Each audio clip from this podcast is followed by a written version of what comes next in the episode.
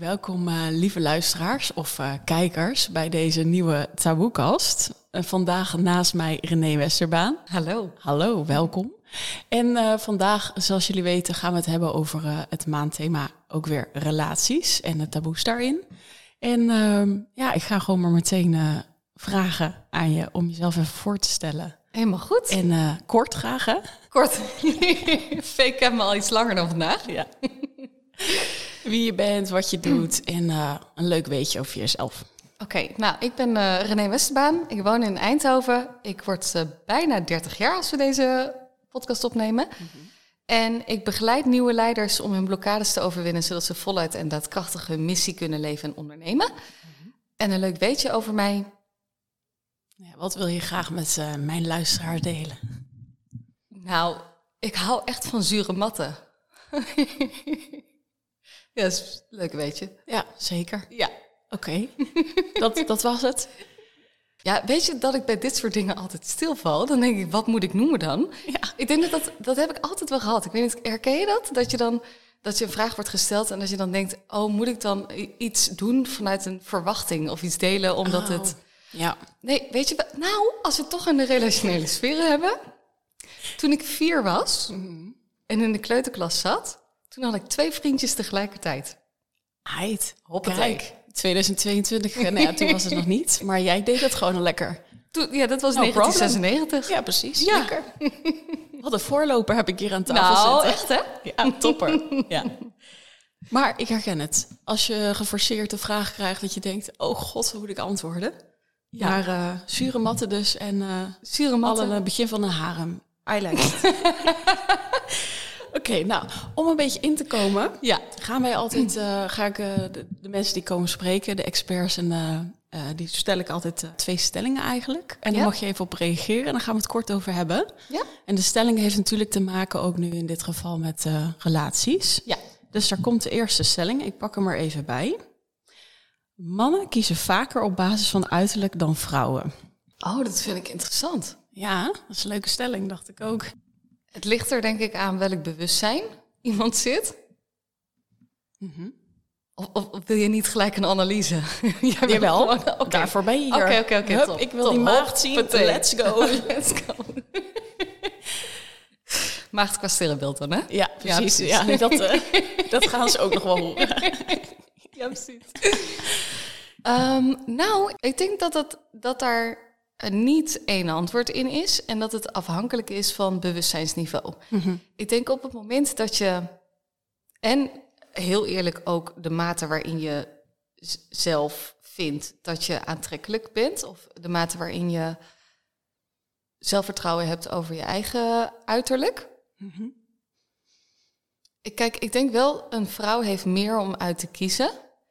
Maar ik denk wel dat, ja, ergens denk ik wel een als we hem vanuit polariteit bekijken, dan is de vrouw degene die in die zin het grootste bewustzijnsniveau is, of de katalysator bij de man qua bewustzijn. Mm -hmm. Dus een man kan nooit zo bewust zijn als dat een vrouw hem daar kan brengen. Want de, de, de vrouw in de polariteit is degene, de leider, ze noemen dat in de 5D, dus op gevoelsniveau, ja. vijfde dimensie. En de man is degene die materialiseert in de 3D, dus op fysieke realiteit. Dus de overtuiging van de vrouw wordt als het ware fysiek gerealiseerd door de man. Dat is een beetje de polariteit.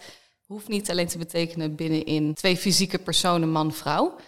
Uh, dit kun je ook bekijken vanuit bewustzijnsperspectief dat we allemaal een vrouwelijke en een mannelijke energie in onszelf hebben. Dus bijvoorbeeld als je een bepaalde overtuiging hebt dat je niet goed genoeg bent. -hmm om klanten bijvoorbeeld aan te trekken, dan zal de innerlijke man in jou die overtuiging materialiseren. En zul je dat ook gespiegeld krijgen in de realiteit. En kun je hem nog concreter maken voor de mensen die luisteren? Op Qua relaties of wat ja. je net zegt, klanten, ja. dat maakt niet uit. Maar... Um, nou, op het moment dus bijvoorbeeld dat je het idee hebt dat je de... Ergens het idee hebt dat je de liefde niet waard bent. Mm -hmm. die, je hebt diep van binnen die overtuiging zitten dan zul je dus ook mensen in je omgeving aantrekken of situaties aantrekken of misschien wel partners aantrekken die jou bevestigen op het feit dat jij de liefde niet waard bent. Dus die kunnen jouw liefde niet ontvangen, die kunnen je de liefde niet terugspiegelen zoals je dat verdient. Dat is zeg maar hoe dat die polariteit uh, werkt. Dus in dat opzicht denk ik in eerste instantie wel dat mannen eerder zullen kiezen vanuit een oppervlakkiger perspectief. Op het moment dat ze zelf nog niet de verdieping in zichzelf hebben gemaakt. Ja. En dat ze op basis daarvan inderdaad in eerste instantie zullen beslissen op basis van uiterlijk. Omdat dat letterlijk het, dat is de fysieke uiting. En, en mannen zijn gewoon echt de leiders, zeg maar, in, in de fysieke realiteit. Maar ik denk op het moment dat je meer met bewustzijn aan de slag gaat, is, wordt fysieke aantrekkingskracht wel iets wat natuurlijk nog steeds relevant is. Ik bedoel, als ik ook naar mezelf kijk en ik kijk naar, uh, naar mogelijke partners, mhm. dan vind ik het plaatje is de eerste waar ik natuurlijk op, ook wel op af ga of op afknap. Dus ja. ik moet wel een bepaalde aantrekkingskracht hebben. Betekent niet dat diegene volledig eh, mijn ideaalplaatje moet voldoen zoals ik dat in voor ogen had bedacht. Maar er moet wel een bepaalde seksuele aantrekkingskracht zijn. Ja. Ik bedoel, je moet er wel mee het bed mee kunnen delen en er een beetje van aangaan. Snap je? Niet dat je s ochtends wakker wordt en denkt, nou, wat heb ik uh, meegenomen? Ja, ja, dus ik denk dat het afhankelijk is van je maat, de, de het bewustzijnsniveau. Want er zijn ook genoeg vrouwen die alleen op basis van een plaatje een keuze maken voor een partner. Ja, dus ik geloof niet dat daar één antwoord is. Nee, maar dat is het ook vaak niet. Nee, precies. maar we willen graag jouw uh, analyse. Ja, precies. Ja. Oké. En als ik het dus hoor van, hè, denk je dat dat relaties zijn die dan blijven? Die alleen gebaseerd zijn op een plaatje? Ja, want ik denk dat uiteindelijk iedereen een beetje tegen de muur aan loopt. Van zo, dat is wel een lekker, was een lekker ding. Maar als het uiterlijk uh, of als het innerlijk helemaal tegen zit. Ja, Nee, die, ik, ik geloof er niet in dat die relaties bedoeld zijn om te blijven. En als ze blijven, dan is het gebaseerd op een leugen. Nou, dat wordt confronterend voor de mensen die denken, oh shit. Precies. Oké, de tweede stelling. Ja. Dankjewel voor je antwoord. Mooi uitgebreid. We gaan dan meteen de diepte in. Het is eigenlijk om een beetje lekker oppervlakkig te doen, maar nou, dat kan niet echt bij de nee. verkeerde uitgenodigd. Oké. Oppervlakte doen we niet aan. Deze is ook leuk. Okay. Visies horen erbij in een relatie. Ja, ja, absoluut. Ik geloof er absoluut in. Ik weet alleen niet of dat ruzies per se het woord is wat er. Conflict dan misschien? Conflict, ja, absoluut. Ik denk op het moment dat je. Als je een gezonde relatie wil opbouwen en wil realiseren, dan bestaat die uit twee componenten. Eén, onvaarlijke liefde, de leuke, fantastische uh, liefdeservaringen en, en, zachtheid, tederheid, weet je, de, de uh, I love you big time. Mm en wat de liefde doet, kijk, wat, wat uh, relaties vanuit een soort van traditionele sfeer zijn aangeleerd. Weet je, dan wordt er bijvoorbeeld gezegd die, die honeymoon-fase of de bubbelfase is de fase waarin. geniet er maar van. Want beter dan dit wordt het niet. Of het, het gaat vanaf nu, weet je, dit is de enige momenten, weet je, oké, die uitspraken ook. Ja, dat mensen zeggen van, oh, dit is het beste wat je kan krijgen. Dat is echt complete bullshit. Mhm. Want de liefde is niet bedoeld om minder te worden. De liefde is bedoeld om te vermenigvuldigen en juist groter te worden. En wat de liefde doet, is het is de grootste katalysator van je spirituele evolutie. En je persoonlijke evolutie, als je niet zoveel hebt met het woord spiritueel. Um, van jezelf.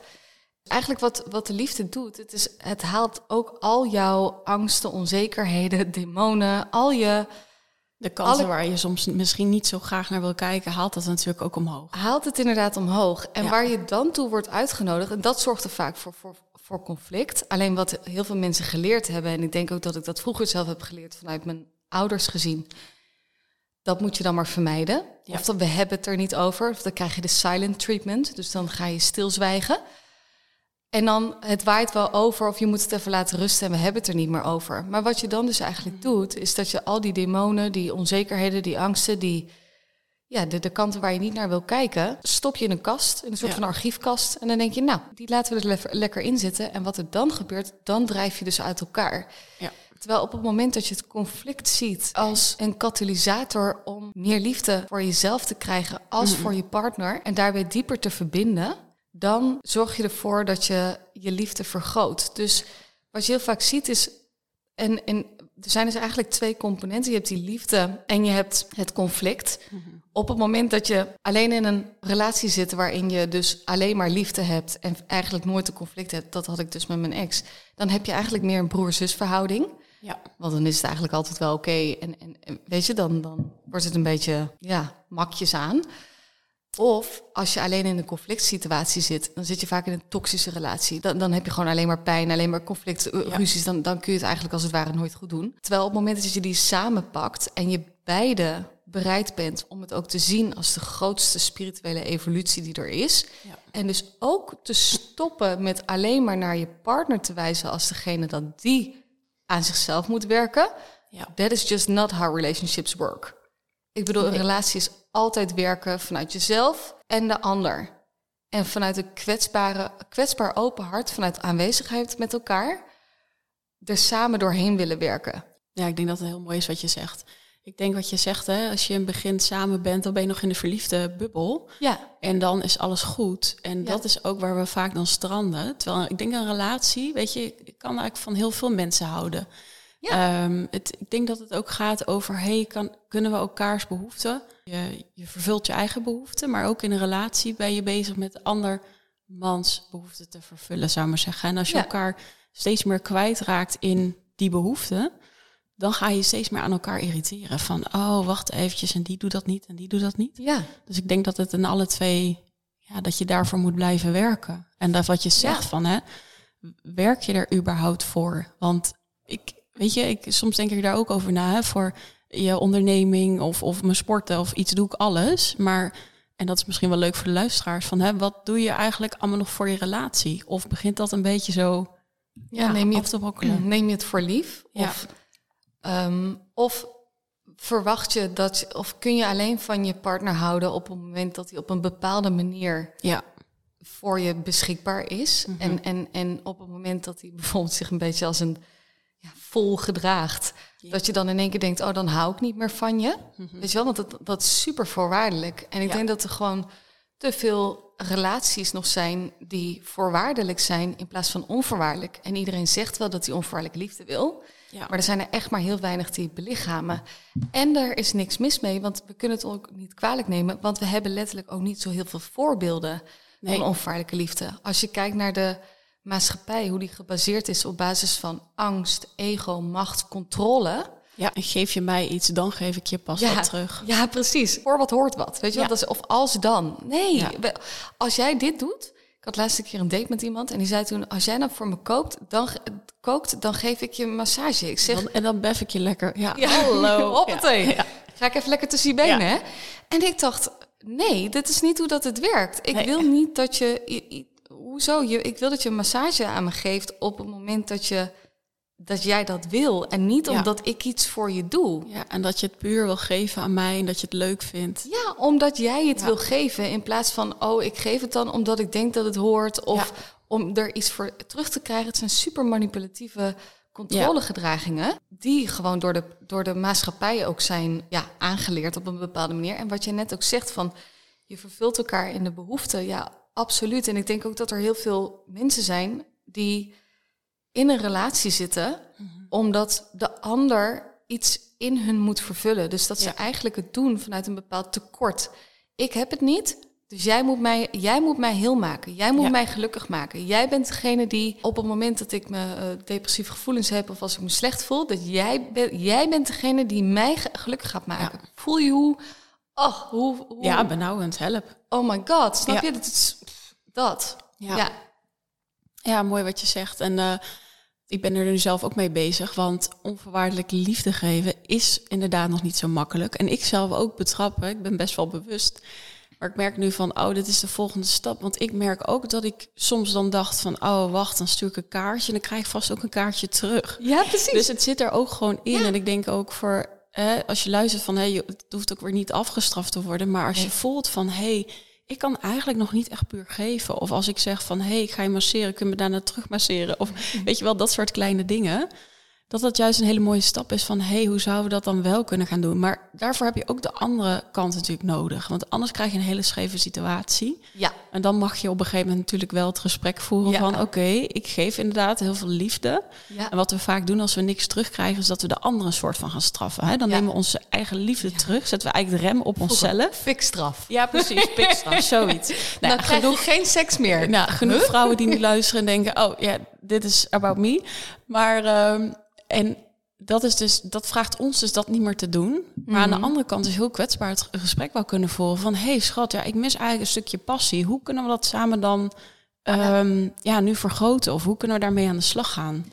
Nou, en dat niet alleen, want kun je het geven? Mhm. Ik denk dat we makkelijker kunnen geven dan de liefde ontvangen. Want de liefde Ja. ontvangen is de grootste les überhaupt in de liefde. Ja. Want op het moment dat je onvoorwaardelijke liefde wil en het staat in één keer voor je, kun je dat ontvangen. Dan is het ook wel de vraag van, oh ja, ik geef het, ik geef het, ik geef het. Maar geef je, heb je die ander ook al de toestemming gegeven of een soort van ruimte gegeven om daadwerkelijk ook iets vanuit hun positie iets te kunnen geven? Want we kunnen ook inderdaad heel makkelijk zeggen, ik geef zoveel en ik krijg er zo weinig voor terug. Ja. Maar is dat echt zo? Of sluit je zelf ook de deur om het maar niet te hoeven ontvangen? Op het moment dat iemand bijvoorbeeld je hulp aanbiedt met het, Ja. met weet ik veel, de vaatwasser uitruimen, Ja. iets gewoon iets heel praktisch. En jij zegt nee, dat hoeft niet. Dus dan stoot je eigenlijk af dat iemand je wil helpen. Net zoals met cadeautjes. Ik zag dat toevallig laatst nog bij een vriendin eh, van me. Daar hadden we ook een heel mooi gesprek over. Ja. En die, die kreeg allemaal cadeautjes. En ze zei, oh, dat had je niet hoeven Nee, doen. klopt. Dat Dus zeggen heel veel mensen. dat had je niet hoeven doen. Maar geven is ontvangen. Als Ja. jij niet kan ontvangen wat ik geef, dan doet dat ook de gever pijn. Ja. Want hoe heerlijk is het op het moment dat jij een cadeautje hebt, zorgvuldig hebt uitgezocht voor iemands verjaardag. Ja. Dan ga je er naartoe en dan denk je, oh my god, ik ben zo benieuwd hoe Ja. dat diegene gaat reageren. En dan geef je het aan die ander. En dan op het moment dat je het, de tranen ziet of het, de reactie, dan als gever ben je zo ongelooflijk Ja. excited en blij. En dan denk je, oh my god. Terwijl op het moment dat iemand zegt, dit had je niet hoeven doen, dan denk je, dan, ah, maar Ja. ik wilde dit doen, want dit komt uit de plek van puurte. Ja. Dus ja, het is ook het stuk, kun je volledig geven, maar kun je hem ook ontvangen? Want Ja. ontvangen en geven is een circulaire beweging. Dat zie je al terug in complimenten, zou ik maar zeggen van... Ja. hey, nou, je ziet er fantastisch uit vandaag. Dank je. Ja, precies. Nou, dat zouden we eigenlijk gewoon lekker moeten zeggen. Ja, In plaats van, oh, nou, die jurk die was maar zo ja precies. Dan gaan we gelijk zeggen, Ja. nou dat zal ik maar niet zeggen, maar... Ja, ja, precies. Zeg maar niet hoeveel die kostte. Nee, precies. Nee, flauw. Maar ik denk dat het wel een essentie is wat ja, eh, geven en ontvangen. Wat je zegt van, ja, ja, zijn dat er eigenlijk wel twee, weet je wel? Mm. Dat ze natuurlijk elkaar ook Ja. heel erg aanraken. Maar dat dat eh, ja, voor iedereen denk ik een, een stuk is van, oh ja, wacht even. Als ik ook beter kan ontvangen, kan ik met nog meer liefde ook geven. Ja, is mooi ook wat je zegt, want wa- er valt me nu inderdaad iets binnen over ontvangen en geven. Je zegt ook van, zijn het er twee? Nee, Mhm. het is gewoon één coin. Alleen, Mhm. is, alleen de, De uiting is anders. Zo, ja, Dus is, ehm, het is de andere kant van de medaille. ja. En het is eigenlijk, het komt hetzelfde, eh, het is dezelfde energiestroom. ja, precies. Ja. Ja, Want op het moment dat je geeft en diegene kan het ontvangen, dan ontvang jij ook Ja. liefde. En als je ontvangt, dan geef je dus de ander ook iets. ja mooi. Nou, dat waren de stellingen. Oké. We zijn lekker opgewarmd, denk ik, hè? De speelse stellingen waren dat. Ja, precies. Ehm, Oké, dan eh, gaan we lekker de diepte in. Nou, dat zijn we al natuurlijk. precies. Maar ik eh, heb je natuurlijk niet voor niets uitgenodigd. Ja. De ta- taboekast. Wat vind jij nou, als we het hebben over relaties... wat echt nog in de taboesferen hangt... Mhm. wat je graag zou willen bespreken vandaag... omdat het zo waardevol is? Dit hebben we net ook al benoemd. Dus ik wil daar eigenlijk inderdaad de verdieping op gaan. En dat heeft met name te maken... waarom ben je bij je partner? Is dat gebaseerd op pure onvoorwaardelijke liefde? Of is dat gebaseerd op basis van angst, ego... of omdat je, nou inderdaad misschien bang bent om alleen te eindigen? En het is een heel pijnlijk onderwerp. Want ik denk, als we het dan hebben over mooi jouw eerste stelling van eigenlijk het, het plaatje. Ik denk dat er heel veel mensen in een relatie zitten waarbij misschien het plaatje klopt. Aan de buitenkant bedoel jij? Ja, het plaatje klopt aan de buitenkant. Weet je, op papier klopt alles. Ja. Het huisje, boompje, beestje, de partner is helemaal, nou, zoals je dacht, dit moet zijn. Misschien ook dat je denkt, nou, die is een fantastische vader voor mijn kinderen. Maar als je heel, heel, heel, heel diep van binnen kijkt en eerlijk bent, dat je denkt, ik weet eigenlijk niet of dat dit mijn partner is. Of dat je bijvoorbeeld in een relatie zit, terwijl je het eigenlijk al diep van binnen niet meer voelt. Klopt. Ook En meegemaakt. Allebei, denk ik, hè? Ja, ja, absoluut. Mijn eh, vorige relatie van 8,5 jaar. Ja, je noemde het net al een beetje.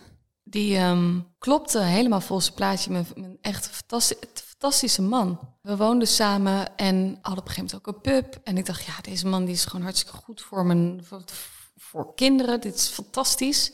Mijn familie was dol op hem. Maar het klopte niet. Ja, het Ja. plaatje klopte, maar de, de, de, de essentie klopte niet. En het was toen wel redelijk pijnlijk confronterend. Toen ik geconfronteerd werd met, de, met mijn zielswaarheid. En dus niet mijn waarheid van het ego. Hè? Want het ego die denkt, die ging alles... Alle checklisten af van, oh, maar dit is check- goed, dit is goed. Ja, letterlijk. Ja, herkenbaar. Klopt allemaal? Op papier? Ja, ik ging het heel logisch benaderen, de liefde. En laten we ook heel eerlijk zijn, de liefde is niet fucking logisch. De Nee. liefde is niet bedoeld om logisch te zijn. Dus je kan de liefde ook niet logisch beredeneren. Eens. Het is gevoel, het is, het is essentie. En ik, ik had zo vaak, en ik weet ook nog dat op een gegeven moment iemand eerder tegen me zei... volgens mij zit jij in een karmische relatie met, eh, met je partner. En ik weet nog dat ik toen die Kun je eens uitleggen wat het is? Ja, goed dat je het vraagt. Een karmische relatie, je hebt verschillende soorten connecties met mensen. Je hebt soulmates, dat zijn de mensen met wie je bijvoorbeeld onvoorwaardelijk kan groeien.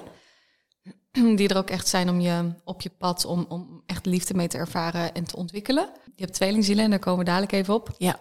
En je hebt karmische connecties. En karmische connecties zijn mensen die bedoeld zijn om ja, wat, wat pijnlijkere lessen in het leven op te lossen. De relatie is vaak gebaseerd op basis van het ego in plaats van op basis van een echte hartconnectie. ja. Ehm, Maar dus wel om te leren, te groeien als ziel. Ja, uiteindelijk iedereen die er op Ja. je pad komt, ze zeggen ook altijd zo mooi, we are all walking each other home. Ja. Dus iedereen is bedoeld om van te leren. En een karmische connectie betekent niet per definitie dat die persoon karmisch is. Alleen jullie verbinding is karmisch. Ja. Dus waarin die ander net zo goed karmisch is voor jou, ben jij dat net zo goed Ja. voor die ander. Maar die zijn inderdaad bedoeld om op een gegeven moment wat ja, pittigere lessen ook eh, te leren. En de een, vaak zit er ook best wel wat karmische connecties, bijvoorbeeld bij je familie. Dus soms kun je best wel zien dat een van je ouders Ja. dat je best wel botst. Dan zit er vaak ook best wel wat karmische bagage die je samen mag uitwerken in dit Ja. leven. Ja, en op een gegeven moment is het best wel pijnlijk. Op, toen ik dus op een gegeven moment iemand tegen me zei, maar je zit in een karmische relatie. Mhm. Die kwam wel binnen. Dus ik wist het, Ja. dat het klopte wat ze zei. Maar ik kon, hem, ik kon het niet. Ik kon het niet aankijken, want ik dacht, hoe ga ik dat doen? Want ik had Ja. net mijn bedrijf twee jaar, dus ik dacht financieel en ik heb geen huis, want het huis waarin ik woon is van mijn ex. Nee, ik kan het niet. Dus toen stoot ik het af. Dus Ja. ik stootte die waarheid, stoot ik af. Ik denk ook dat het heel goed was, want op dat moment kon ik hem ook nog niet ernaar handelen. Tot een paar maanden later ik dus mijn tweelingziel tegenkwam. Ja. en het op een gegeven moment niet anders meer kon. toen, toen moest ik wel, eh, voor mezelf in ieder geval, vanuit, mijn, vanuit liefde voor mezelf ook en voor de ander. Maar als ik daar nu ook aan terugdenk, dan denk ik, ja, ik bleef dus eigenlijk ook bij hem, omdat ik diep van binnen wel wist dat, eh, of ik wist diep van binnen, oeh, ik weet eigenlijk dat we niet voor elkaar Ja. bedoeld zijn als, als levenspartner. Eh, maar ik blijf dus nu bij je, omdat ik daardoor dus onderdak heb. Ja, precies. Maar dat is heel bewust. Want je spreekt er ook heel bewust over. En je hebt op een gegeven Ja. moment doorgehad. Ja, ik denk dat veel mensen die naar luisteren denken... oh, ik hoor allerlei nieuwe dingen. Hè, ben ik daar wel zo bewust? Ik denk dat ze misschien wel kunnen voelen van... oh ja, herken ik de dingen die zijn genoemd? ja, En ik denk dat het ja, wel mooi is om tegen jezelf eerlijk te zijn van... hey, wat is de basis eigenlijk nu dan van mijn relatie? Want hij kan natuurlijk wel ontstaan dat het heel mooi is en puur. ja, En ik denk ook heel vaak dat we hè, vanuit dat oude, nou ja, oude christelijke, dat is er nog steeds. Maar hè, we hebben toch heel lang het christendom gehad en dat je man en vrouw en samen. ja, En ik denk in de, in spiritualiteit zit ook een heel ander idee achter relaties. Van hè, je komt elkaar iets brengen en op een gegeven moment is dat natuurlijk, ja, het hoeft niet heel het leven. Het kan. Het is altijd eindig, want het leven is eindig, zou ik Ja. zeggen. Misschien een volgend leven weer gezellig. Maar ik herken wel heel erg wat je zegt. En ik ben even benieuwd naar van, hey, hoe zou je dat bij jezelf kunnen voelen? Eh, want je zegt dat zo mooi, ja, ik voelde het ergens anders. Voor die mensen die bijvoorbeeld nu luisteren, denk je, ja, ik, ik hoor eigenlijk wat ik zeg. Hè, en ik herken ook wat je zei van over die checklist. Ik heb dat ook gehad met mijn ex. En bij mij was het dan, ik werd toen, eh, wat was het, 26, dacht ik, nou, hè, die kinderen, de maatschappelijke verwachtingen kwamen dan ook al. ja, Dacht ik, oh, maar moet ik dit laten gaan? En dan wie vind ik nog? En dan ben ik zelfs 34. ja, Ik bedoel, boekers. Maar toch is dat hoe we denken. En Ja. toch hè, wat we voelen. En ook de angst inderdaad om niet alleen te hoeven zijn. Dat zit er denk ik ook wel. Van, Ja. oh jee, alleen. En natuurlijk ben je dan een beetje maatschappelijk. Hè? Zoveel mensen hebben een relatie. Wat nou als je alleen bent? Dat zit in het hoofd. Hè? Ik bedoel, eh no offense als je gewoon alleen bent. Wat zouden manieren zijn hoe je dat bij jezelf kan voelen? Want ik voelde dat ook, maar ik heb het ook lang weggedrukt. Ja. Dus hoe kun je daar nou bij komen? Ten eerste instantie jezelf de toestemming geven om het te onderzoeken. Dus kijk, op het moment dat je er niet klaar voor bent om die waarheid aan te gaan, druk je het weg. Dus als je dit luistert en je schiet compleet in de weerstand en je denkt, nee, nee, nee, voor mij is alles helemaal goed. Nee joh, mijn leven is helemaal prima op orde. Ik heb, ik heb het gewoon hartstikke goed, goed voor elkaar.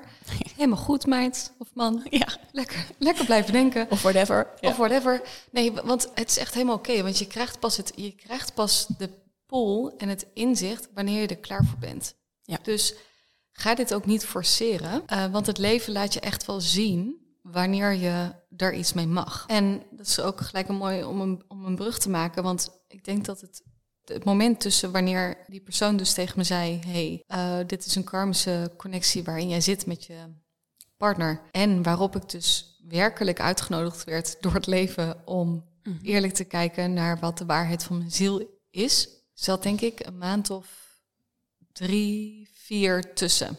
En dat was op het moment dat mijn tweelingziel in mijn leven verscheen. Ja, En ik zal eerst even ingaan op wat tweelingzielen zijn, want ik heb er nu ook een YouTube-kanaal eh, Ja, over ik ga opgestart. hem eh, allemaal in de bio zetten en Ja, de linkjes. En dan kunnen jullie lekker eh, kijken bij René. Een bintje. Ja. Nou ja, het is alleen interessant op het moment dat het onderwerp je aanspreekt en je ook En het in je leven is. en het in je leven is. Want jij zijn ook net voordat we dit opnamen, zei bij mij is dat ook nog niet. Dus Nee. ja, waarom zou ik... Ik vind jou leuk. Ik wil best wel even nog langer naar je kijken, schat. Maar ja, Nee, weet je, dus consumeer ik vooral content die relevant voor je is. Ja, bedoel, zeker. eh, ja, anders dan hoef je maar mocht het nu dat we erover hebben, misschien opent zich wel iets, omdat je er wel iets over hoort. Dat kan natuurlijk ook. Ja, dat kan Kan ook. ook En dat je denkt, hm, wat is dit? Ja. Nou, eh, wat een tweelingziel in ieder geval is, als ik het heel even Aarts kan uitleggen. Aarts ja. kan uitleggen. Doe je ding. hoppatee. Nou, we hebben natuurlijk te maken met eh, body, mind, soul. Hè? Dus we hebben een lichaam. We hebben, waar je, dat is ons voertuig op aarde. We hebben onze hersenen, dat is waarmee we denken en we richting geven en, en, en dingen concreet maken of handelingen ook op een gegeven moment weer verrichten. En we hebben natuurlijk het aspect de ziel. En de ziel is datgene wat voortleeft, wat deze identiteit als V van Megen of René Westerbaan heeft gekozen om te ervaren. Ja. Lessen in te leren en letterlijk gewoon leven te ervaren. De ziel wil eigenlijk niets liever dan ervaren en, en leren. En, voor en mij is dat evolueren. groeien. Ja. Ja, ja, ja. dat, dat is ook wat we hier op aarde komen doen. En je ziet ook vaak de mensen die op een gegeven moment niet meer willen groeien, die worden letterlijk door de aarde opgeruimd. Dus dan komen ze in ongelukken terecht. Misschien ziek worden. Weet je, dat, Ja. dat, ja. Je, bent je, bent, je hebt hier een zielscontract als het ware afgesloten om te groeien en te evolueren. Wat je tweelingziel is, het is letterlijk dat jouw ziel is gesplitst in twee lichamen. Dus het is één ziel, twee lichamen. Wat er dus gebeurt op het moment dat je je tweelingziel tegenkomt. Ik heb wel eens vroeger Pure gezegd... paniek. Nee. Nee, oh my god, nee joh, deze man echt niet te doen joh. Pure liefde. Nou ja, nou, als je luistert. En laat, later pure paniek. Ja, als Ja. je luistert, eh, Bel me. ik Nee. denk, nou nee, Nee, dat, eh, wanneer, hij er, klaar- wanneer hij er klaar voor is. Maar Ja. ehm, eh, nee, deze man die weet ook wel dat ik oneindig van hem hou. Mhm. Ehm, maar het is, het, ik heb vroeger wel eens gezegd, ik zou benieuwd zijn hoe het zou zijn. Ik weet niet of dat je dat herkent. Als ik een man zou zijn. Ja, zeker. Ja. Heerlijk. Precies. Vroeger werd er altijd gevraagd van wat wil je zijn? En dan voor één dag of zo. Nou, überhaupt Man. gewoon een man. Ik wil En gewoon een man beetje zijn. eh, aan die piemel trekken. Ja, en een- en een beetje- seks hebben. Even een beetje zwaffelen. En, eh, ja, mannen dingen doen. Heerlijk. Lekker dit. Ja. Ehm, je tweelingziel is dus gewoon letterlijk jij in een ander lichaam. Ja. Dus op het moment dat je je tweelingziel ontmoet, kom je jezelf tegen. Dus het, als ik nu met jou hier zou zitten, dan zou ik letterlijk tegenover mezelf zitten. Als jij mijn tweelingziel zou zijn. Ja. En je tweelingziel is, ik kan er heel wat over uitweiden, maar eh, even kijken wat voor nu vooral relevant is. Het is dus jezelf in een ander lichaam. Je ontmoet je tweelingziel op het moment dat je klaar bent voor je grootste spirituele eh, Of persoonlijke groei dus, ja. ja, persoonlijke ontwikkeling. Want, want het is enerzijds super liefdevol. Dus als we het hebben over, is het bedoeld om, om ruzie te hebben. Ja. Super liefdevol. Het is letterlijk onvoorwaardelijke liefde staat in één keer voor je. Ik heb nog nooit zoveel liefde ervaren. Het is beyond wat je kan, kan voorstellen. Wat voor gevoel, wat er... Ach, het is amazing. En tegelijkertijd haalt het dus ook... Het is de highest highs en de lowest lows. Dus het haalt Ja. alle donkere kelders, trauma's, onzekerheden, angsten... van nu en vorige levens. haalt het allemaal naar de oppervlakte. En zie je niet alleen het allermooiste in je tweelingziel... wat eigenlijk een reflectie is van jezelf. En Ja. tegelijkertijd zie je de worst in de ander. En dat is ook een reflectie van jezelf. Ja. Hey, en ik eh, heb even een vraag, want eh, ik hoor je natuurlijk zeggen, bij jou is het een man. Ja. En eh voelt het echt relationeel, maar dat hoeft Nee, niet, hoeft zo te zijn. Hè? Nee. Want jij hebt, kende iemand, of wat was het, wie was het? Nee, ik weet niet of jij het was, maar dat het gewoon een vriendin was. Of Ja. een ja, ouder Ja. iemand waar je ook niet per se Ja. voelt van, oh, ik wil nou een relatie met jou. Twee, kijk, wat het doel is van je tweelingziel tegenkomen... het is de hoogste spirituele evolu- evolutie die je kan voorstellen. Ja. En het is letterlijk bedoeld om onvoorwaardelijke liefde te gaan belichamen. Mhm. En onvoorwaardelijke liefde betekent... I love you, no matter what. Ja. Waar je ook bent, of we bij elkaar zijn of niet... of dat we in contact zijn of niet... hoe je je ook gedraagt of niet... I love you, no Ja. matter what. En dat betekent in iedere... eigenlijk geen enkele tweelingzielenreis is hetzelfde. Ik geloof ook dat niet iedere tweelingzielenverbinding bedoeld is om in fysiek contact te komen. Ik geloof ook dat niet iedereen ontmoet ook zijn of haar tweelingziel. Het kan dus inderdaad van hetzelfde geslacht zijn, een vriendschappelijke relatie. Het kan je zus zijn, het kan familielid. Het kan op alle mogelijke manieren kan je tweelingziel in je eh, leven komen. Wat in ieder geval belangrijkste is, het is, het is letterlijk je grootste teacher Ja. eh, over jezelf. Omdat wat je tweelingziel dus doet, het is, je kan het nul vergelijken met een aardse verbinding. Het is een puur energetische verbinding. En dat is dus nog interessant om te weten. Want wat ik net ook al deelde over... We hebben allebei vrouwelijke en mannelijke energie in ons zitten. Dus ook al ben je super feminine en heel vrouwelijk... Zou je daar even een voorbeeld van kunnen geven wat mannelijke en vrouwelijke energie is dan? Ja. Om even mee te pakken. Ja, de, de, eh, de man is degene die eh, bijvoorbeeld verantwoordelijkheid neemt. Dus dat zijn, Ja. dat zijn mannelijke eigenschappen. Verantwoordelijkheid nemen, resultaatgericht zijn, Daadkracht, daadkracht. doorzettingsvermogen. Door Ja. het mogen in het nu zijn, geld manifesteren, zorgen, letterlijk gewoon de, de De fysieke... vaderfig- vaderfiguur eigenlijk dan. ja, ja. let- letterlijk gewoon je huis ervoor zorgen dat dat klopt. Maar ook ehm, duidelijke communicatie, Ja. grenzen stellen, Mhm. eh, voor jezelf opkomen. Zorgen dat alles veilig is. Het heeft ook te maken met bewustzijn. Dus zien wat heeft, eigenlijk verder kijken dan wat er nodig is op dit Ja. moment. Weet je, op het moment dat we hier zouden zitten, dat, dan is de mannelijke daadkracht, hey, heb je wat drinken nodig? En eh, als je straks onderweg naar, eh weet ik veel, ergens naartoe gaat en je zou een hele lange reis moeten maken, hier, ik heb ook nog een appeltje voor je of een Ja. flesje water. Weet je wel, dat. Ja. De man is trouwens ook van de actie, dus dat, Ja. dat is ook de kant, weet je, de Let's go, vuur. Ja, we gaan ervoor vuur. knallen. hoppatee, Ja, wat we dus ook veel kennen in onze samenleving, denk ik. ja, ja. precies. Doorgaan, weet je, gewoon actie ondernemen. De vrouw daarentegen is degene die float. Ja. Die, die is heel gevoelig, die is emotioneel, die beweegt mee op haar eigen golven van haar emoties. Die is sterk in verbinding met haar intuïtie. Holistisch misschien ook. Ja, holistisch, is, is caring, is, heeft heel veel compassie. Ja. Heeft letterlijk gewoon liefde, is ook fierce. Ze spreekt haar waarheid. Dus dat betekent dat ze niet gaat sugarcoaten Nee. Of iemand gaat pleasen op haar ego. Ze zegt waar het op, wat ze ziet. En op het moment dat het bullshit is of als het ego is, daar gaat ze niet mee akkoord. Geen Ja. please gedrag. Dat zijn zeg maar de healthy feminine Ja, eh, aspecten, sensualiteit. En dus dat zijn zeg maar aspecten van, van de man en de vrouw. En iedereen heeft dat in zich, ongeacht geslacht. Ja. Dus het is ook de bedoeling, en, en, of tenminste wat er eigenlijk gebeurt in die tweelingzielenverbinding, is dat je, dus het is jij in een ander lichaam, en, maar je, de balans tussen hoeveel je eigen masculiniteit of je eigen femininiteit is ontwikkeld, is Ja. bij beide kanten anders ontwikkeld. Dus wat ik bijvoorbeeld op een gegeven moment zag mij, bij mij, ik was degene met de meest feminine energie en mijn tweelingziel met de meeste masculine energie. En wat er dus letterlijk is, eh, ik was dus heel gevoelig, alles met gevoel. Ja. Hij was super rationeel en logica. Weet je, als je het hebt over de liefde, logisch benaderen, had hij een soort van model had hij gemaakt om dan te bedenken formule. Ja. Dat, je, dat ik dat nou... En dit plus dit is dit. Ja, precies. Dit dat berekent dan of dat wij een match zijn. Ja. En ik dacht, nou, leuk voor een datingsapp idee. Nou, precies. Ik dacht, we hebben weer een marketingsplan. Let's go. um, maar wat er dus eigenlijk de bedoeling is, op het moment dat je je tweelingziel tegenkomt, het is een energetische connectie. Dus in eerste instantie, je smelt letterlijk samen. Als je het hebt over, dit is de ware, uh, we zijn één, weet je wat, niet te breken. Dit zijn allemaal van die uitspraken die vroeger werden gezegd. Ja.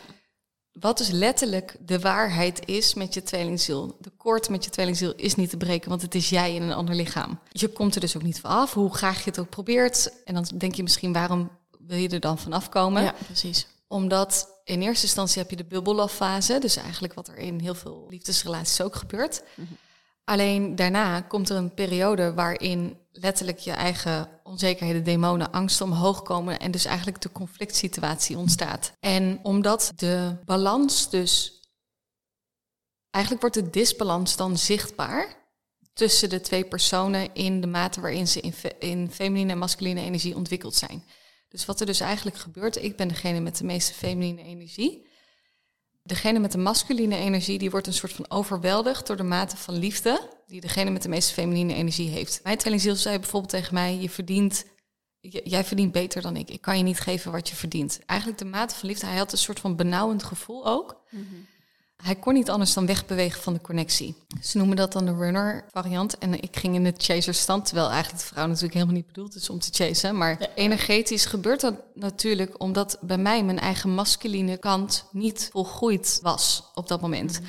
Waardoor ik dus onbewust, omdat het een energetische connectie is, ga ik, probeer ik dat. Um, dit gebeurt dus allemaal op afstand. En, en ook al kan die aan de andere kant van de wereld zijn, gebeurt het energetisch alsnog. Wilde ik eigenlijk een soort van jagen op hem. Grijpen, controle uitoefenen, manipuleren. Weet je, alle lagen zijn voorbijgekomen. Alle toxische gedragingen die er in ons als mens zitten, die mhm. wij hebben gerelateerd aan de liefde, die worden zichtbaar. Mhm. Juist ook om doorbroken te worden en door geheel te worden, losgelaten te worden. Maar wat ik eigenlijk, waar ik eigenlijk naar hunkerde, of waar ik op je jaagde bij hem, was mijn eigen masculiniteit in mezelf. Ja. Om zelf te weten wat ik verdien, waar ik voor, wat ik waard ben. En dus daar ook naar te kunnen handelen. Mhm. Maar op het moment dat we inderdaad, wat we net ook zeiden, als ik ergens een overtuiging heb dat ik hard moet werken voor de liefde, dan wordt dat letterlijk gespiegeld in de tweelingzielenverbinding. Ja. Maar daar kan, mijn, daar kan je tweelingziel geen gehoor aan geven, want in die verbinding is er nul ruimte voor ego. Dus alle toxische gedragingen en ego-gedragingen kan je tweelingziel geen uh, gehoor aan geven. Ja. Dus wat komt hij eigenlijk weer bij jezelf terecht. En zul je daar dus naar moeten kijken. Zo mag je hem ja. zien. Ja. ja. precies. En wat er dus dan gebeurt, is dat je uitgenodigd wordt om dus een gezonde, volgroeide feminine energie en masculine energie binnen in jezelf te ontwikkelen. Ja. Waardoor je eigenlijk heel bent. En iedereen is natuurlijk heel. Hè? Niemand is stuk of gebroken of, of, incompleet. We zijn allemaal heel. Alleen we mogen het weer herinneren. Dat, dat, dat is het vooral weer. Er zitten vaak wat dingen in de weg. Zoals wat we hebben meegemaakt aan trauma's of bagage, onzekerheden, angsten. Ja. Die ervoor zorgen dat we het idee hebben dat we niet goed genoeg zijn of wat dan ook. Ja. Je zei net van, hè, oh, ik ging eigenlijk in de toxische mannelijke energie. Ja. Hoe heb je die nou bij jezelf dan? Hè, hoe voel je nu van, oké, ik heb die nu op een gezonde manier geïntegreerd? Of zijn er nog dingen? En wat was het gedrag? Hoe was de uiting dan van dat toxische? Ja. En hoe heb je hem dan naar jezelf gebracht? En nu dat je zegt van, oh ja, ik doe dit nu anders. Of dit is anders in mijn leven. Of dit komt op mijn pad. Ja, ja mooie vraag. Ehm, nou, het is een heel gelaagd proces. En ik denk als ik mhm. alle lagen erin benoem, ja. dan zitten we hier nog wel even. Ja. Maar heb je een, een voorbeeld dat mensen kunnen ja, dat het kan resoneren van, oh ja, dit kom ik ook tegen. En hoe kan ik dat dan voor mezelf, wat je noemde bijvoorbeeld net controleren. Ja. ik denk dat voor heel veel mensen is herkenbaar, voor mij ook. Ja. Heb ik al lang gedaan. Ja. Kan ik nog steeds in schieten. Controlegedrag inderdaad, dat is, en dan met name als in, ik probeer de uitkomsten te controleren. Dus ik probeer bijvoorbeeld... Ja, dat is controle überhaupt, toch? Ja, ja dus ik probeer de... Uh, ik had dan bijvoorbeeld het idee, als we hem heel even praktisch nemen, dat ik ging manifesteren dat hij voor een bepaalde tijd contact met mij zou opnemen. Ja. En dan, als hij dat niet deed, dan ging ik het dan doen en anders dan ging ik door met mijn leven. Mhm.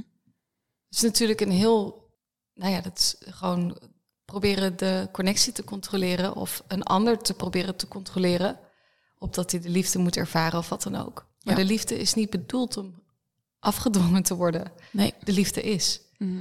En nou goed, dat is een heel gelaagd proces. Er zitten heel veel lagen in. Weet je, het is heel makkelijk om te zeggen: oh nee, nu ga ik geen controle meer hebben. Maar er zitten vaak heel veel Nee, angsten of lagen op van vroeger, waardoor je in die controle schiet. Dus ik heb daar ook nu niet één antwoord op. Wat ik wel continu heb gedaan, is de spiegel naar mezelf te pakken. En waarom wil ik nu bijvoorbeeld contact met hem? Maar ook als ik in, een, in contact met hem was, wat mag ik hier aan les voor mezelf uithalen? Ik krijg nu niet wat ik wil. Ja.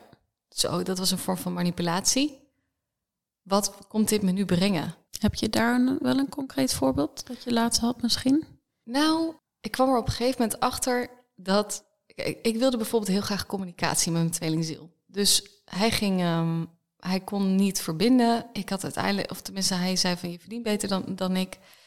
En toen zijn we, die, heb ik hem nog wel mijn hart uitgesproken. Ik heb letterlijk tegen hem gezegd: Er is niets wat ik zo zeker weet als dat jij mijn man bent. En hij kon daar geen gehoor, eh, hij kon er geen gehoor aan geven, want hij kwam weer, maar jij verdient beter dan ik. En ik, ik merkte toen, ja, maar ho, wacht even, dat is ook lekker makkelijk om dan het bij mij neer te leggen dat het aan mij ligt, dat, dat jij niet kan. Want ik dacht, je kan het wel, maar je wil, je wil het niet. En dat is iets anders, maar own up voor dat. Ja, ja. Waardoor ik hem toen geconfronteerd heb met zijn ego. En dat schoot bij hem toen helemaal eh, dicht. En toen hebben we echt een, een clash gehad. Echt. Dat hij op een gegeven moment had gezegd dat ik had gelogen. En, en nou, het was een redelijk een drama. It's a tragedy. redelijk drama verhaal. Maar ik wilde dus heel graag wel communicatie. Want ik geloof erin dat conflict kunnen we altijd doorheen werken op het moment dat we bereid zijn om het gesprek te openen, de space te openen. Ja. Alleen hij kon me dat niet geven. En ik heb daar meerdere keren geprobeerd om toena- toenadering te zoeken. Tot de laatste keer, toen ben ik letterlijk naar zijn huis gereden. En ik merkte ook op een gegeven moment, wow, hij is redelijk intens. Kijk, je moet het zo voorstellen, de liefde, het- als je tweelingziel ontmoet, er is niemand die je zo kan triggeren als je tweelingziel. Het zijn een soort van aardbeving triggers in je systeem, in je lichaam dus. Die zijn echt, echt intens. En ik merkte toen ook bij hem, hij, scho hij schoot toen ook in de controle. En ik had in eerste instantie wel, had ik het gevoel, want ik merkte ook dat hij me bijvoorbeeld had gevolgd met een nep-account op Instagram. En ik voelde de liefde eronder. Dus ik voelde bij hem, en ik kan er dan doorheen kijken, want dat is natuurlijk ook een stukje onvoorwaardelijke liefde. Hè, dat, je, dat je, no matter what you do, I love you, zeg maar. En ik kan er doorheen kijken. Alleen hij kon me op dat moment het niet in de fysieke realiteit geven. Dus ik had ergens het idee, oh, maar op het moment dat het voor jou nog te kwetsbaar is om je te openen, dan wil ik die stap wel zetten. Dat vind ik oké. Alleen op dat moment schoot hij zo in de controle dat ik in eerste instantie dacht ik, oh, ik ga mijn hart openen en ik ga me kwetsbaar opstellen. En toen zag ik bij hem de controle en de, die lagen er nog op zitten. En toen voelde ik, no, het is nu niet veilig voor mij om mijn hart te openen en me kwetsbaar op te stellen. Dus wat mag ik nu doen? Ik mag een hele duidelijke grens stellen en mijn autoriteit claimen. Ja. En dat is natuurlijk ook een vorm van masculiniteit omarmen. Ik had die ook nodig op dat moment, want vanaf dat moment merkte ik ook dat was ook het moment dat ik stopte met jagen energetisch, omdat ik die echt even nodig had om een grens te stellen Ja. en aan te geven van hé, hey, maar zo gaan we niet met elkaar om.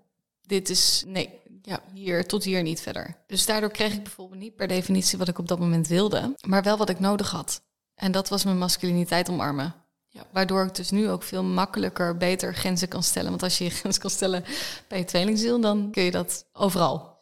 En ik vind het wel interessant, want dit gaat echt over tweelingziel. Is het verschil dan in een gewone relatie dat dit echt een, een, een zielscontract is? Dat je niet anders, dat je niet, dat je sowieso nooit uit je ego reageert? Want je bent op zich ook naar hem toe gegaan vanuit ego.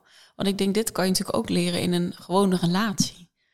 Eh, ja, absoluut. Ik ben niet helemaal eens dat ik toen naar hem toe ben gegaan vanuit ego. Oké, Eh, ik denk dat die wel gelaagder is. Dus Ja. er was ook een gedeelte. En het was letterlijk mijn ziel die het zei. ja. Dus het was een intuïtieve hit.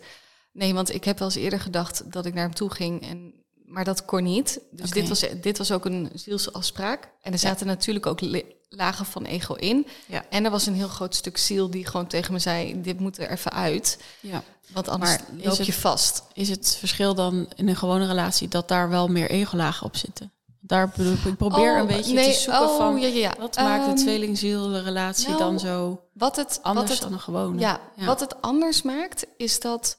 Kijk, met een, met een gewone relatie, dus een soulmate eh, connectie of een karmische relatie... heb je twee zielen in twee lichamen. Ja.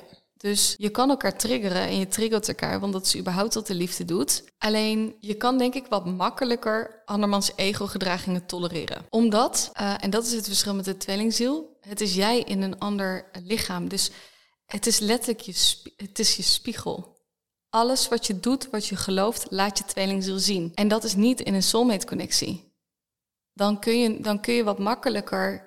Betekent niet dat, dat, dat soulmate-connecties niet triggerend kunnen zijn, want die kunnen dat zeker zijn. Alleen bij een tweelingzielenconnectie, je spiegelt elkaar letterlijk, omdat het meer een energetische verbinding is dan Ja. een fysieke verbinding. En, en die vallen inderdaad niet met elkaar, in die zin niet met elkaar te vergelijken. Maar dat betekent niet dat, dat het alleen maar onvoorwaardelijke liefde is. Sterker nog, in een tweelingzielenverbinding, daarom zie je ook heel vaak een periode van separatie. Dus dat tweelingzielen niet met elkaar in fysiek contact kunnen zijn.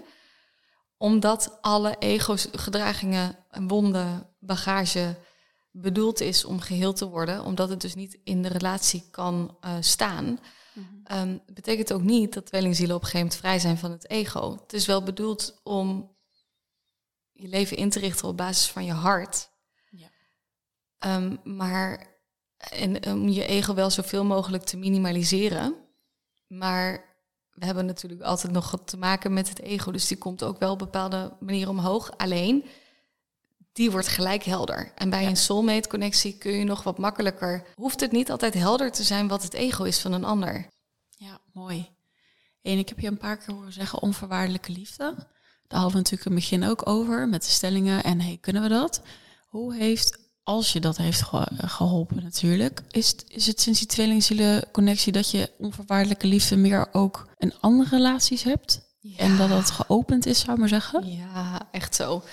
Je, ehm, als ik heel eerlijk kijk en hoe dat ik de tweelingzielenverbinding ook zie, is tweelingzielen zijn vaak mensen met een, nou, het zijn oude zielen met een wat heftigere levensagenda, wat bagage.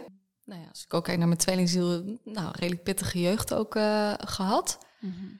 En wat je op een gegeven moment doet vanuit zelfbescherming, is je hart dichtgooien. Ik had bijvoorbeeld ook heel veel moeite om mezelf kwetsbaar op te stellen of mijn emoties te uiten of mijn gevoelens te delen.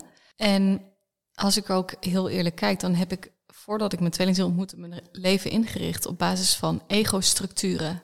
Heel, en dat hebben we niet heel vaak door, weet je, want dat doen we vanuit zelfbescherming. Dan hebben we het leven zo ingericht, zorgvuldig, dat het ons beschermt en dat we eigenlijk kunnen overleven. Ja. Omdat we heel veel gekwetst zijn, er zit heel veel bagage in. Misschien nou, is je wel pijn gedaan, ken je niet eens onvoorwaardelijke liefde. Ga je er eigenlijk al vanuit, oh, mensen die kunnen me dat niet geven. Laat je niet zo snel mensen toe, weet je, allemaal dat soort redenen waarom je niet de liefde kan geven of ontvangen. Ik merkte ook, ik wist ook echt van mezelf dat ik een heel groot ego had. En dat werd ook vaker tegen me gezegd. En ik dacht, nou ja, goed. Het was ook een soort van copingmechanisme. Ja.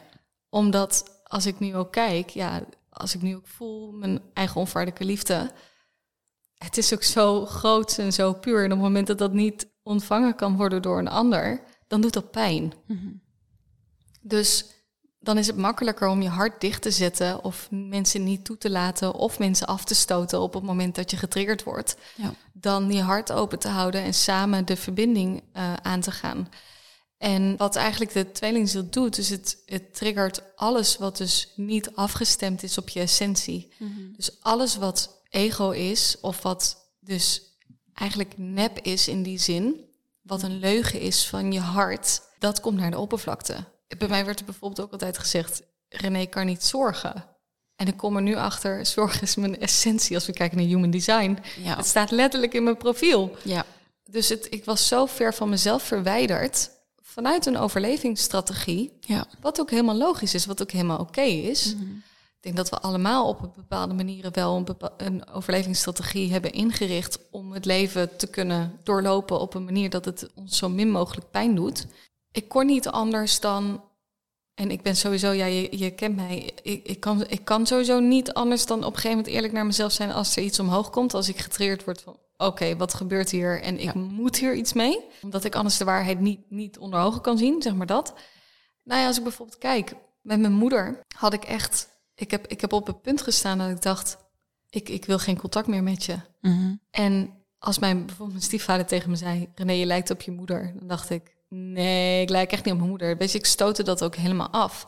Ja. Dus daar was echt nou, frik- frictie. Ook met eh, vriendschappen. Het was makkelijker om mensen op afstand te houden. En niet kwetsbaar te zijn en ze één keer in de zoveel tijd te zien. Omdat we dan niet de verdieping in hoeven. Dan wel die verdieping aan te gaan en dus ook geconfronteerd te worden met je eigen muurtjes en, en die af te breken. Ja. En ik durf nu oprecht te zeggen, als ik nu kijk naar mijn moeder, ik ben laatst met haar een, een weekendje naar Zeeland geweest. En het was zo fijn. En mijn moeder die zei letterlijk, we zaten hier ook aan tafel. Nadat we terugkwamen, toen zei ze, het was veel te kort, het ging veel te snel voorbij. Ja. En toen zei ik, wauw man, moet je eens kijken we, waar we vandaan komen. Nog Mhm. een jaar geleden, toen, ze, toen was één uur of twee uur samen in een ruimte was al te lang. Ja. En nu zijn we meer dan een dag samen. Ja. En eigenlijk vinden we het nog te kort. Ja. Eigenlijk, als ik nu ook kijk naar de mensen om me heen, ervaar ik echt met iedereen onvoorwaardelijke liefde. Ik ben ook zeker selectief. Ja. Wie ik in mijn omgeving laat en wie ik toelaat, ook als klanten, dat weet jij ook. Ja. Omdat dat ook een bescherming, dat is een bescherming, maar dan de bescherming van het hart. En niet Ja. meer de bescherming van het, zeg maar, van het ego, om het zo Nee, maar even precies. te noemen. Maar ja, nee, en dat is echt. Ik ben nu nog niet in fysiek contact met mijn, eh, met mijn tweelingziel. Maar dat is het grootste cadeau wat deze man me heeft kunnen, kunnen geven. Iedere keer dat hij me ook heeft afgewezen, Ja. was een spiegel waarin ik mezelf nog afwees. Ja, super mooi. Ik denk, we hadden het al over onvoorwaardelijke liefde. En dat ik daar ook mee bezig ben. Maar ik denk veel mensen, het zit zo in ons systeem. En ik denk, wat jij zei, hè, we hebben allemaal wat meegemaakt. Ik denk dat bij zoveel mensen zijn we op ons hart getrapt. Of mochten wij niet zijn wie we in essentie Ja. zijn.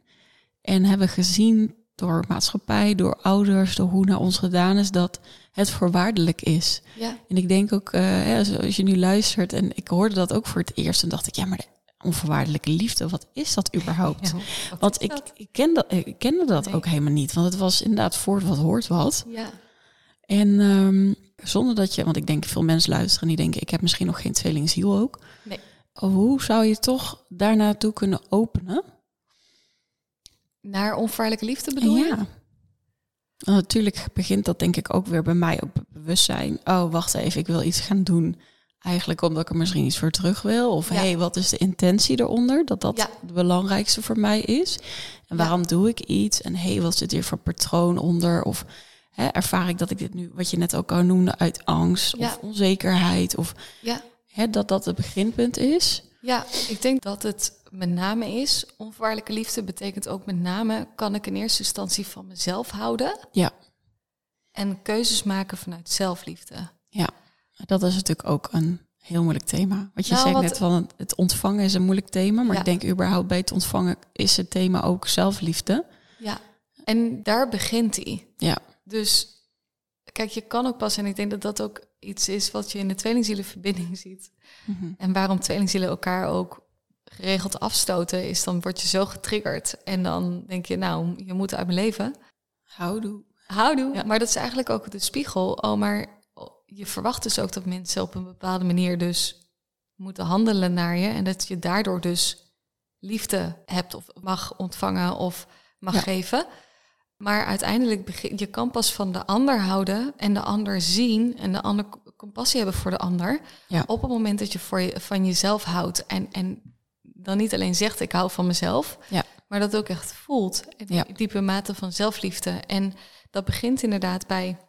Nou ja, inderdaad, eh, wat een mooie ook wat je zegt.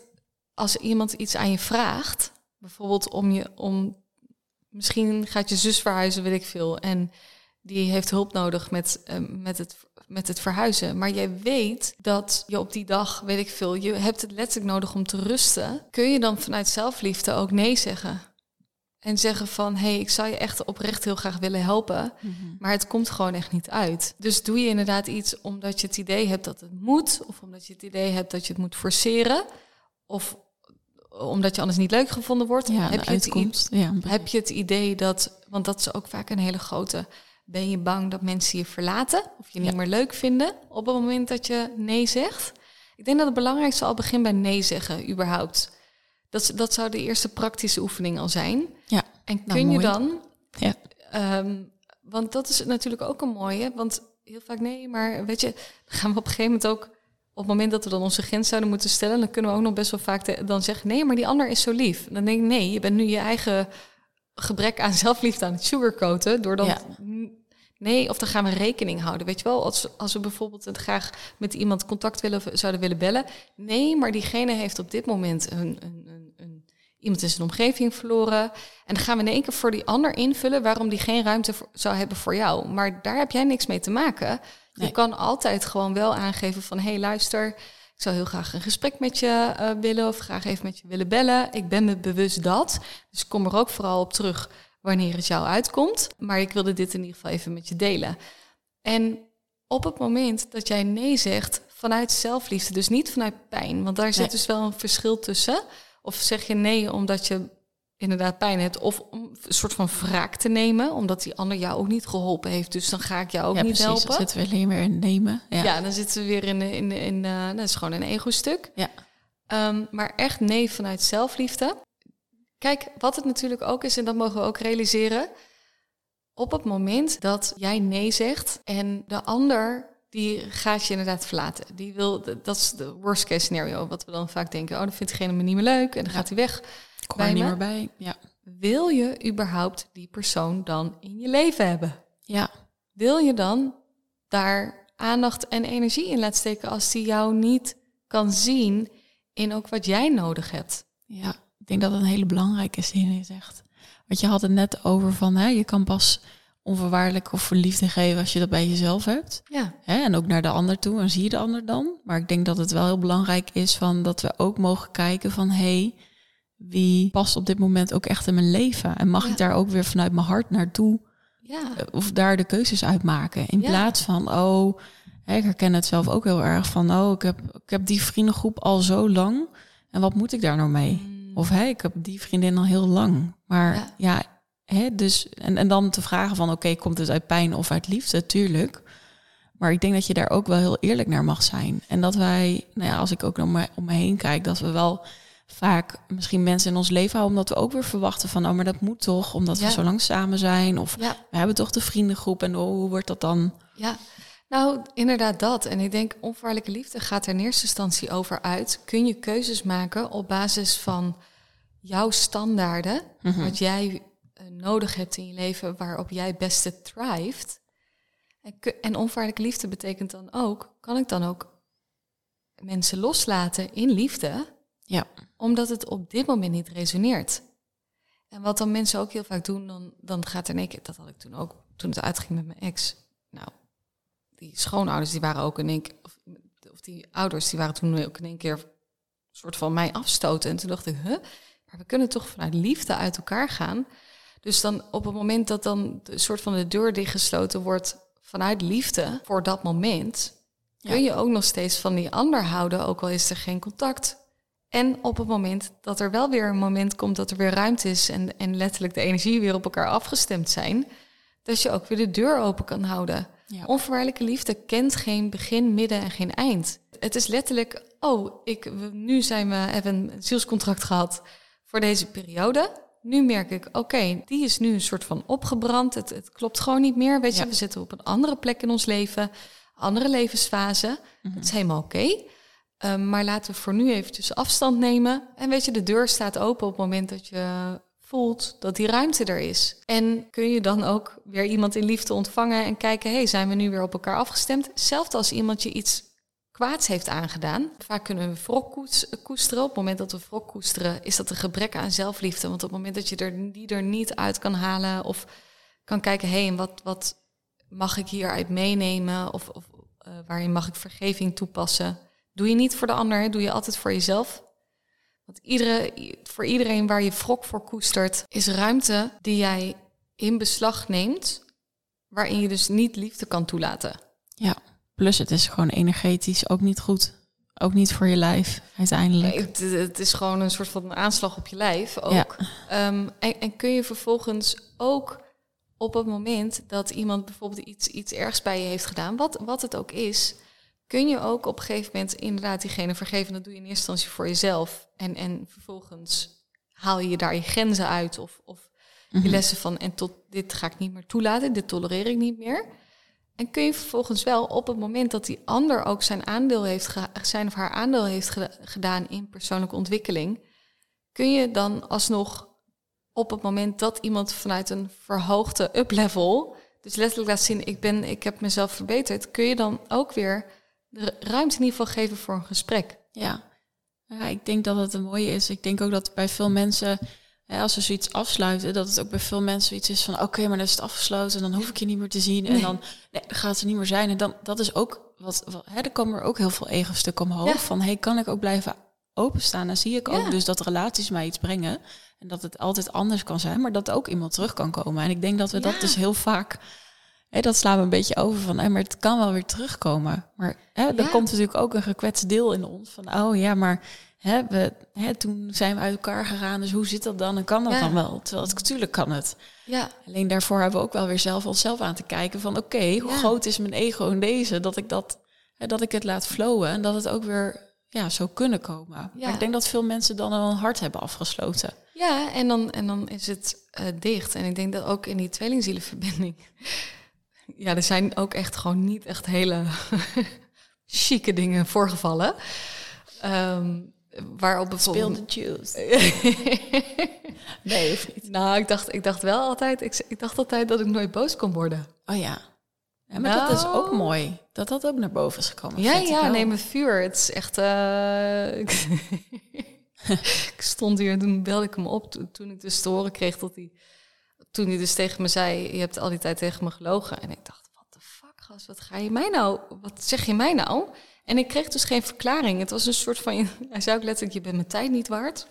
Dacht ik, huh? Mm. Wacht even, het gaat van je, je verdient meer dan ik naar in één keer dit. En, en huh, wat gebeurt hier? Toen heb ik hem opgebeld, maar hij nam niet op. Ja. En toen wel echt schreeuwend, oh, de voicemail ingesproken. dat er toen ook hier een vriendin bij me was en die zei letterlijk, nou, ik moest me even vasthouden. Want Ja. anders was ik denk ik van eh, dingen af. ehm, of dat was ik gevat. Dus ik heb ook zelf niet per se hele chique momenten gehad. Maar kijk, en, en bijvoorbeeld mijn moeder, die, die zegt dan, als ik het nog wel eens met mijn moeder over, eh, over hem heb, zij vindt er wel iets van, dat zie ik ook bij haar. Ja. En zij vindt er eigenlijk van, eh, nou, die, eh, die moet je gewoon, die, mag bij het grof vuil. Ja, Zoals bij- moeders dat doen. ja, precies. Dacht ik wel, ik, weet dat dit een uiting van liefde is voor mij, mam. Dankjewel. Ehm, maar dat is het ook in die tweelingzielenverbinding. Het, het- er zit zo'n diepe liefde onder. En echt, sommige mensen die zullen mij echt aankijken en denken... hoe kun je nog van deze man houden? En ik denk, omdat ik...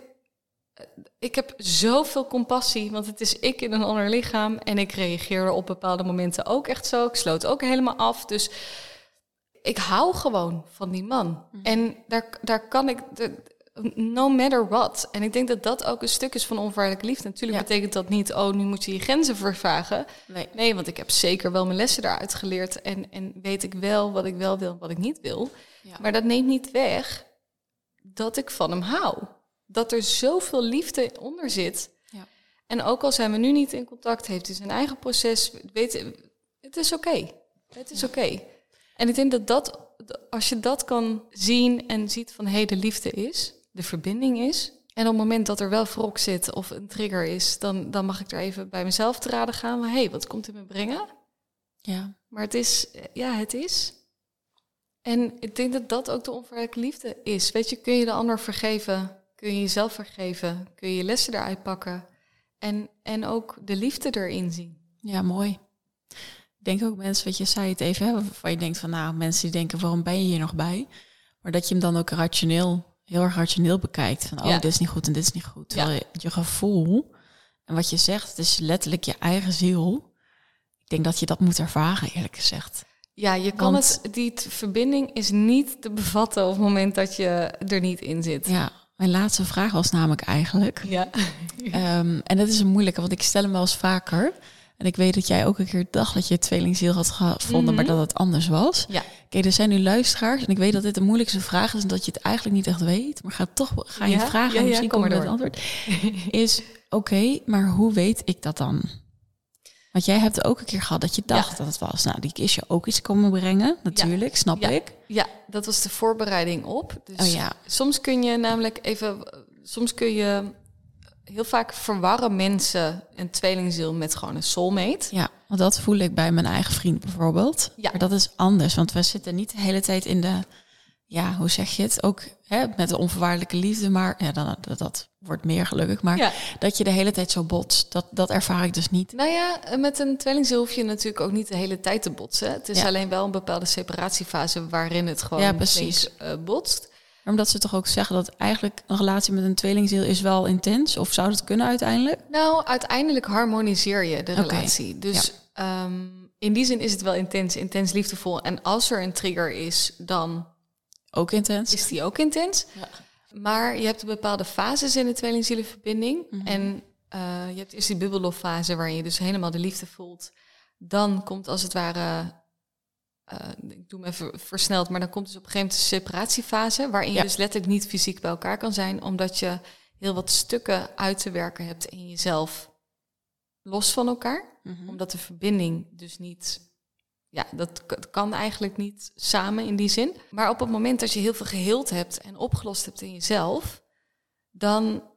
Ik- En ik, ik moet zeggen, ik hou ervan om belichaming eh, of vanuit belichaamde kennis te delen. Ja. Dus ik kan deze nog niet volledig gronden, omdat ik zelf niet in fysiek contact ben met mijn tweelingziel. Mhm. Maar wat ik wel voel, is dat op het moment dat je beide en in inner union bent, dus je mannelijke en vrouwelijke energie hebt, hebt ja, op een volwassen manier zeg maar hebt ehm, ontwikkeld.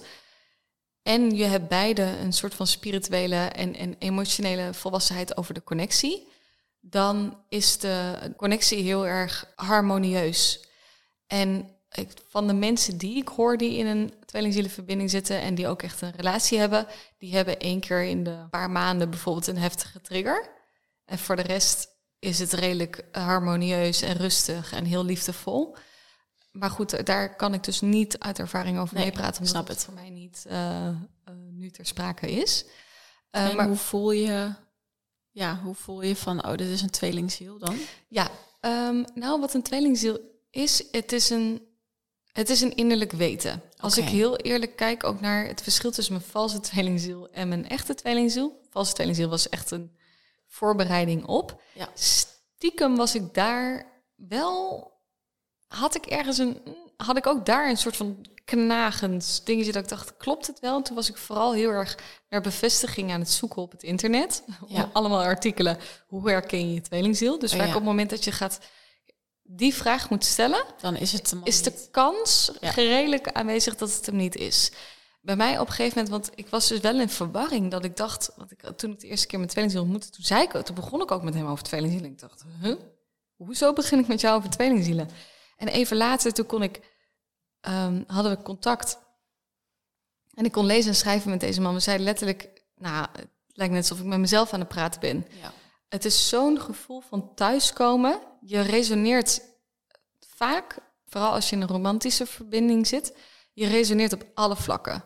Spiritueel, emotioneel, mentaal en fysiek. ja, dat heb ik hier wel. Ja, ja en dat kun je natuurlijk met eh, iedereen, of tenminste kun je, Ja, natuurlijk, met meerdere, kun je natuurlijk met meerdere mensen Ja. kun je dat, kun je dat hebben. Eh, er is zo'n diep gevoel van thuiskomen bij de ander. Ja, ook check. Maar ja, dat kan natuurlijk ook omdat je meerdere levens al samen bent. En, en dat het gewoon En voelt dat het van, vertrouwd oh, voelt. Ja, Ik bedoel, ik heb een keertje met iemand eh, een date gehad. en dat was, Oh. het meest, dat was echt fantastische seks. ja, En dat voelde ook heel vertrouwd en Ja, weet ik het wat. Maar dan, dat was waarschijnlijk omdat we gewoon in een vorig leven ook eh, lekker hebben liggen rampen tampen. Precies, precies lekker partnertje zijn geweest. Op thee. Maar ehm, nee, het is, het is een diep innerlijk weten. Het is Ja. op een gegeven moment, je, je komt ook niet in die zin niet van die connectie af. Wat je ook doet, het is ook bijna, vooral in die separatiefase, dan denk je, ben ik nou geobsedeerd door deze persoon? Ja. Wat Je bent bijna gebeurt zo'n hier? stalker. Ja, ja. Nou ja, goed, ik, voor mij was alles afgeschermd. Maar ik weet wel dat hij Nee. hem heeft lopen stoken. Ja, precies. Ah, mag ook Misschien nu ook wel. Ja, ja, wie weet. Hey, als je luistert, was leuk. Ja, Ja, hebt, je hebt heel veel lieve dingen gezegd. Dus Ja. ja. ja. Ja, Oké, dus hoe het überhaupt met liefde werkt, niet te veel naar zoeken. Als het komt, dan komt het ja. op je pad. En dit geldt ook voor tweelingzielen. Ja, en ik, want het wordt ook wel een beetje ver- eh, verromantiseerd, tweelingzielen. Ja. Eh, ik denk ook niet, het is de allergrootste liefde die, die je kan ontmoeten in je ehm, leven. Maar Het heeft ook weer je twee moet, het, ja, je, moet het, je moet het niet per definitie willen. Nee. Want op het moment dat je alleen op zoek bent naar die liefde, Ja. dan ga je alleen maar pijn vinden. Ja, precies. Terwijl op het moment dat je het ziet als de grootste spirituele evolutie die er is, dan vind je liefde. Ja, mooi. En eh, ja, je moet er gewoon klaar, ja, je moet er klaar voor zijn. Je moet al een bepaalde stevigheid in jezelf hebben ontwikkeld voordat je letterlijk de trigger van je tweelingziel aan kan. Want heel eerlijk, hoe Anders raak je helemaal van het padje natuurlijk. Ja. Nou ja, kijk, als we het net al hadden over dan de vraag van hey, hoe kom ik erachter of dat ik in een relatie zit die karmisch is of, of hè, die ge- eigenlijk gebaseerd is op ego-structuren Ja, in plaats van het hart. En je denkt, nee, bij mij is alles goed. Dan denk ik, nou, dan ben je volgens mij niet helemaal klaar om, eh, om echt diep Nee. in de spiegel te kijken. Want dat is letterlijk wat, wat tweelingziel doet. Ik denk het meeste wat, als je kijkt naar bewustzijn in Nederland, het is zo makkelijk om de vinger naar de ander te wijzen. Het Ja. is zo makkelijk om te zeggen, oh, jij bent degene die mij pijn heeft gedaan. En Jij, bent, jij moet dit voor me oplossen. Jij moet dit, jij moet dat, jij moet Ja. zus. Oh, diegene heeft fout. Ja, ik heb geen verwijten. Ja. zoveel verwijten, oordelen naar de ander toe. Op het moment dat je daar sowieso al in zit, wordt het sowieso een hele lastige kwestie om je dan ja. ja. Ja, want het is gewoon de grootste. Het is zo confronterend. Ja. Ja. Ja. Nou, gaan we daar lekker mee afsluiten? Jongens, het was super confronterend. nou René, dankjewel dat je er was, lieverd. Graag gedaan. Het was een heel mooi gesprek. Ik denk Ja, ook voor de luisteraars. In, eh, ik kijk weer even naar de camera, maar als je luistert, dan, eh, dan, dan weet je dat. Je kan ons ook vinden op YouTube dus. En eh, als je René nou wil volgen in de Tweelingzielen, ze heeft een heel YouTube-kanaal. Ik ga ook de Instagram erbij zetten. Mocht je ook Ja. voelen van, oh, nou René, je hebt me echt zo geraakt. Misschien eh, voel ik ook wel iets voor je coaching. Moet je wel Ja. ondernemer zijn natuurlijk. Ja, kom Dan, misschien wel eh, bij Vee. en kom je bij mij in de groep. Ja, oh, wat leuk. Nou, dan heb je meteen eh, tien nieuwe mensen. Hoppatee. Doen we even hè, wat doorspelen, 10%? Nee, nee, super bedankt. Ik wil jullie weer heel erg bedanken voor het kijken of het luisteren. En eh, laat, volg ons ook zeker even op onze Instagram, Taboekast. En daar kun je ook al je vragen insturen. Eh volgende maand gaan we ook op, over een heel ander thema hebben, namelijk angst en depressie. Mocht je daar vragen over hebben of iets over willen delen, dan eh, mag dat ook zeker. En ja, nogmaals heel erg bedankt. En dan gaan we hem lekker uit- afsluiten. Ja, dankjewel. Oké, doei. doei.